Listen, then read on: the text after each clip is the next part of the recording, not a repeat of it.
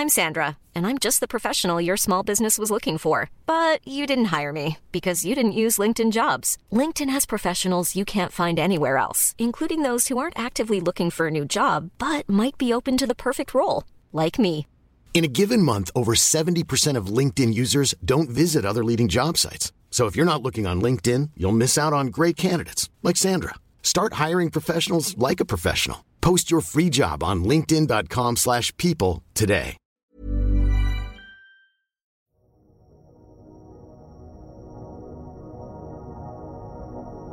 Bill, föreställ dig att du knallar runt på månen.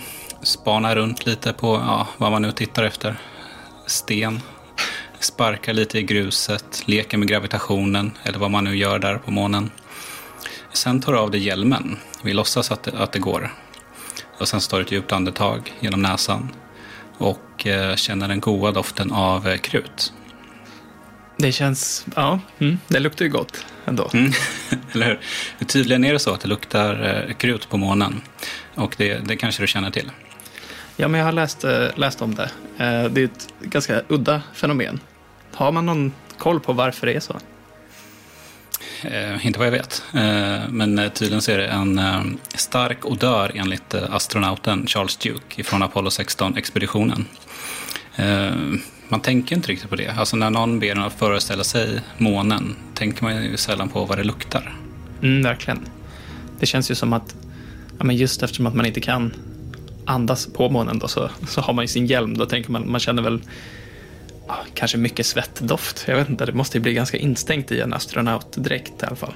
jag tänker det. Apropå det så såg jag ett eh, klipp eh, när jag gjorde research till det här avsnittet faktiskt. Att eh, det var någon av de här astronauterna som har varit uppe och skulle liksom applicera någon grej på en manick han höll i händerna. Och försökte blåsa bort damm.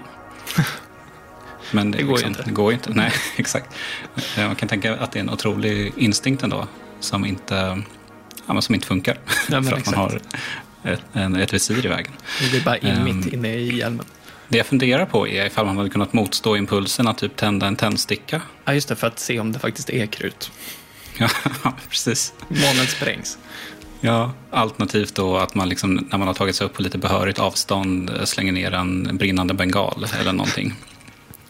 Ja. Det var i alla fall Duke och eh, hans kollega John Young som upptäckte eh, liksom, lukten när de kom tillbaka till sin kapsel. För att lukten var så stark odör som man sa och det satte sig i rymddräkten. ja, det känns också som att man drar väl med sig ganska mycket damm in i farkosten när man klättrar upp i den.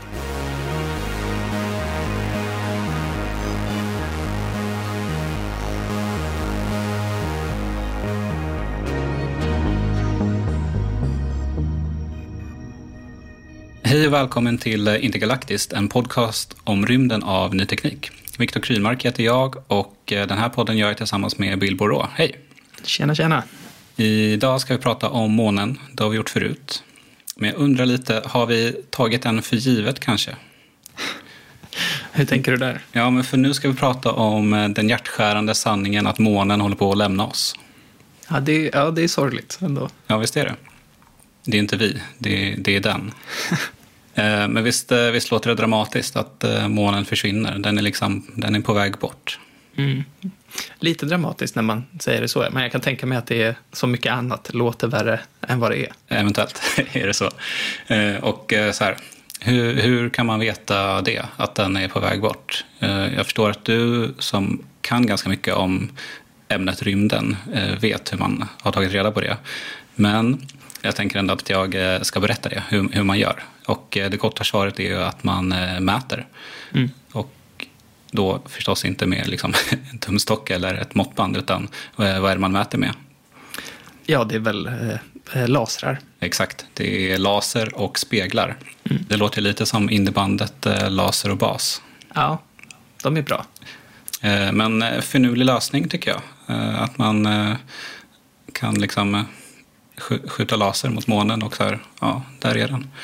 Då måste man ju ha satt upp det på något av Apollo-uppdragen, antar jag. En, en schysst spegel där, så att det verkligen ska kunna reflekteras tillbaka. Exakt, det är precis så det går till. Det är, mätningen kallas för eh, Lunar Laser Ranging Experiment. Det är tre speglar på månen som astronauter från olika Apollo-expeditioner har lämnat kvar under åren 69 till 72. Mm. Så det man gör då är att rikta ett teleskop ifrån jorden och träffa någon av speglarna och så liksom på så sätt så vet man hur långt, hur långt det är.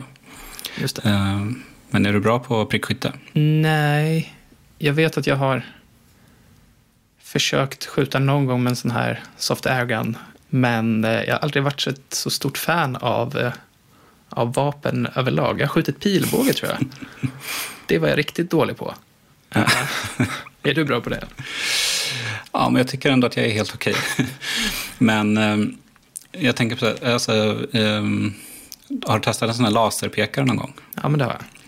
Det är liksom, om man sitter eh, i ett rum och sen liksom på liksom väggen på andra sidan rummet försöker rikta lasern och hålla den still. Det går ju liksom inte.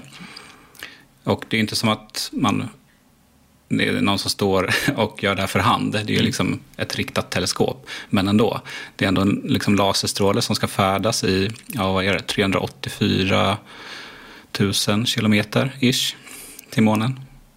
Säkert. Ja, och då prick, pricka rätt på den här lilla spegeln. Hur stora är speglarna ungefär? Bra fråga.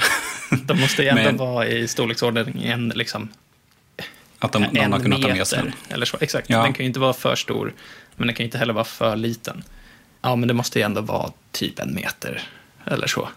Ja, men även om den skulle vara liksom stor som en fotbollsarena så känns det ändå svårt att pricka mm, något så långt bort. Verkligen. Men ja, så är det. Månen försvinner och här, bör man vara jätteorolig? Inte riktigt än.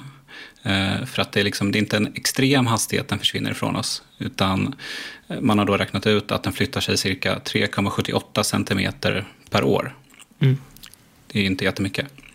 Det, det är det faktiskt inte. Eh, speciellt om man tänker att avståndet redan nu är så stort. Så är det ju en liten procentuell då, förändring. Visste man om det här eller blev man liksom jätteöverraskad och trodde att man hade mätt fel då när man mätte första gången och sen mätte året efter och märkte att ja, men nu diffar det ju här. Det måste ju varit, liksom, antingen så har man ju haft då teorin att ja, men den borde vara på väg och då var det inget konstigt. Eller så har man tänkt ja, men den borde väl vara stationär eller i samma bana hela tiden. Ja, det vet inte jag.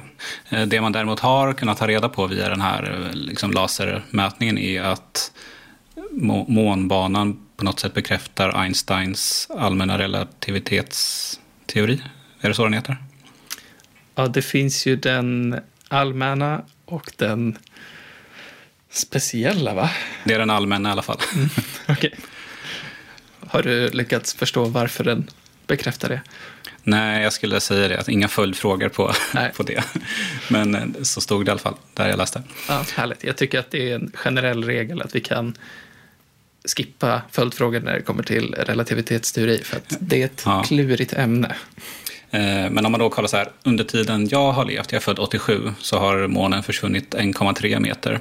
Och sen månen, eller sen människan första gången satt sin fot på månen, så har den flyttat sig cirka en basketspelare långt, alltså ganska exakt två meter.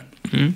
Det är inte så långt ändå. Det kan vi ju leva med, att den drar. Ja två meter på ja, men 60 år eller vad det är. Precis, man har, man har inte tänkt på det själv när man har tittat mot månen. Typ. Det är något som inte stämmer. Nej. Så såg den inte ut för tio år sedan. Exakt, det måste man ju kunna då om man jämför med väldigt gamla observationer av månen och folk som har försökt ta fram liksom en vinkelstorlek på månen att man skulle kunna säga att den, bo, den framställs som lite större i historiska mätningar. För att den borde ju kännas mindre då, ju längre den försvinner bort. Ja, men vet du varför den håller på och eh, drar ifrån oss, månen? Inte riktigt, nej. Vi skyller på tidvattenkraften mellan jorden och månen. För det, det är så här, kort, eh, kort svar. Eh, jorden bromsar sakta in, vilket gör att dygnet blir längre och energin överförs då till månens bana man kan så här bildligt förklara så här. Eh, tänk dig en, sån en snurra på en lekplats. Mm. Om du sitter på en sån och någon ger dig fart så snurrar du och det går ganska sakta. Men om någon ger dig mer fart så blir det som att du dras ut. Mm. Eh, på samma sätt blir det när liksom jorden överför energi till månens bana. Så att den hela tiden får lite för mycket fart. Okej, så att den liksom då ja, men, får lite mer fart och då tar den en bana längre ut för att på något sätt bevara. Eh, det är väl alltid så när man pratar fysik att olika storheter behöver bevaras. Och då om jorden och månen har i ett system, jorden roterar, månen, är det det att, hur kommer det sig att jorden saktar in? Har det något med att liksom vattnet rör sig på jorden? Och att vattnet då rör sig Ja, alltså kanske. ska se här. Om vi har månen, den har då en, ja, men en gravitationskraft, påverkar jorden. Vattnet på jorden är, man kan väl säga att det är mer eller mindre fritt. Så det rör sig ju då och skapar någon sorts utbuktning, borde det göra. Och det här skulle kunna göra att jorden då saktar in lite grann. Och för att bevara det totala vinkelmomentet så måste ju då månen öka hastigheten. Ja, men det borde stämma. Eh, Ja, bra. Ehm, Jag köper din eh, uträkning, eller din analys där också. Alltså rent kortfattat så handlar det bara om att det överförs energi till månens bana som gör att den då flyttas ut i sin bana då, 3,78 centimeter per år. Mm. Men då kan man ju fråga sig hur lång tid det tar eh, innan månens försvinnande faktiskt påverkar jordelivet. ja, just det. Ehm, Och här har jag ingen exakt uträkning, men det pratas om så här några miljarder år. Ja. Ehm, Så att eh, vi och kommande generationer kan ju ta det lugnt. Det är skönt. Ehm, Faktum är att eh, solen kommer hinna dö innan den är borta. Just det. Så att eh, liksom, månbaneavståndet kommer öka cirka 50 procent eh, innan solen ja, tackar för sig. Okej, så hela 50 procent ändå. Då, det kommer ju ändå påverka någon sorts... Ja, men tidvattnet och så måste ju påverkas på något vis. Precis. Men eftersom att det är en så långsam påverkan så hinner väl liksom djur och sånt som lever i haven eller lever där det är tidvatten, sådana här små snäckor och sånt där som man ser ibland när man är även i Frankrike, eh, om man nu är det. Eh, det känns som att de hinner ju evolutionärt anpassa sig efter det nya tidvattnet under en sån långsam förfly- förflyttning av månen. Precis. Man, eh, man kan ju tänka sig det. Men om vi leker med tanken att liksom månen får spel och sticker imorgon. Eh, liksom vad skulle hända på jorden då? Eh, då eh, läste jag att eh, Bengt Edvardsson, är det ett namn som känns bekant? Nej. Han är universitetslektor vid eh, avdelningen astronomi och rymdfysik på Uppsala universitet. Eh, Och han svarade på den här frågan ganska nyligen. Och han skrev så här, typ. Till att börja med så skulle vår eh, himmel bli otroligt tråkig att titta på. Månen är månen liksom. En fullmåne piggar upp. Även en, en halvmåne har ju också, har ju, har ju också något liksom. Var det precis så här han skrev? Nej, nej, det var det inte. Han, han skrev bara att den eh, skulle bli en tråkigare himmel. Men, men jag förstår ju vad han menar. Exakt. Det är liksom rent estetiskt en jätteförlust. Verkligen. Eh, Men som du sa här innan så skulle det också påverka djur och liksom växter som eh, får problem med tidvatteneffekterna. Det skulle, ja, som han skrev, då, vara förödande för djur och växter som lever nära havsstränder. Eh, Och på sikt så skulle förmodligen även jordens magnetfält försvagas och atmosfären sakta eroderas bort av solvinden. Okej, vad obehagligt. Ja, det, låter ju obehagligt, jag håller med. Så nu, nu har jag slutat citera eh, heter han? Bengt Edvardsson. Men så här, hur mänskligheten skulle påverkas är lite mer oklart. Eh, jag menar, hade vi aldrig haft månen så hade vi ju inte haft Pink Floyd-albumet Dark Side of the Moon. eh, Elon Musk hade aldrig pratat om att ha, att ta Dogecoins to the moon. Eh, su- superskurken Gru eh, hade ju inte haft någon månad att stjäla. Så vi hade aldrig fått visa Minions för våra barn. Och den franska stumfilmen La Voyage de la Luna, ursäkta franskan, från 1902 hade typ handlat om att eh, ja, men, erövra skogen istället för månen. Och några Apollo-expeditioner hade vi mänskligheten aldrig haft. hade aldrig kunnat genomföra och vi hade aldrig vetat att det luktade krut där. Nej, det är sant. Då hade man fått lägga sitt krut på resorna till Mars istället. Ja, exakt. Ah, gud, jag måste sluta med sådana där dåliga ordvitsar, men kan inte hålla Ja, med. men, eh, men jag tyckte att den eh, var bra och jag tycker att den eh, få sätta punkt för dagens avsnitt. Yes. Stort tack för att du har lyssnat och eh, glöm inte att prenumerera på podden så missar du inga avsnitt. Vi hörs snart igen. Hej då! Hej då.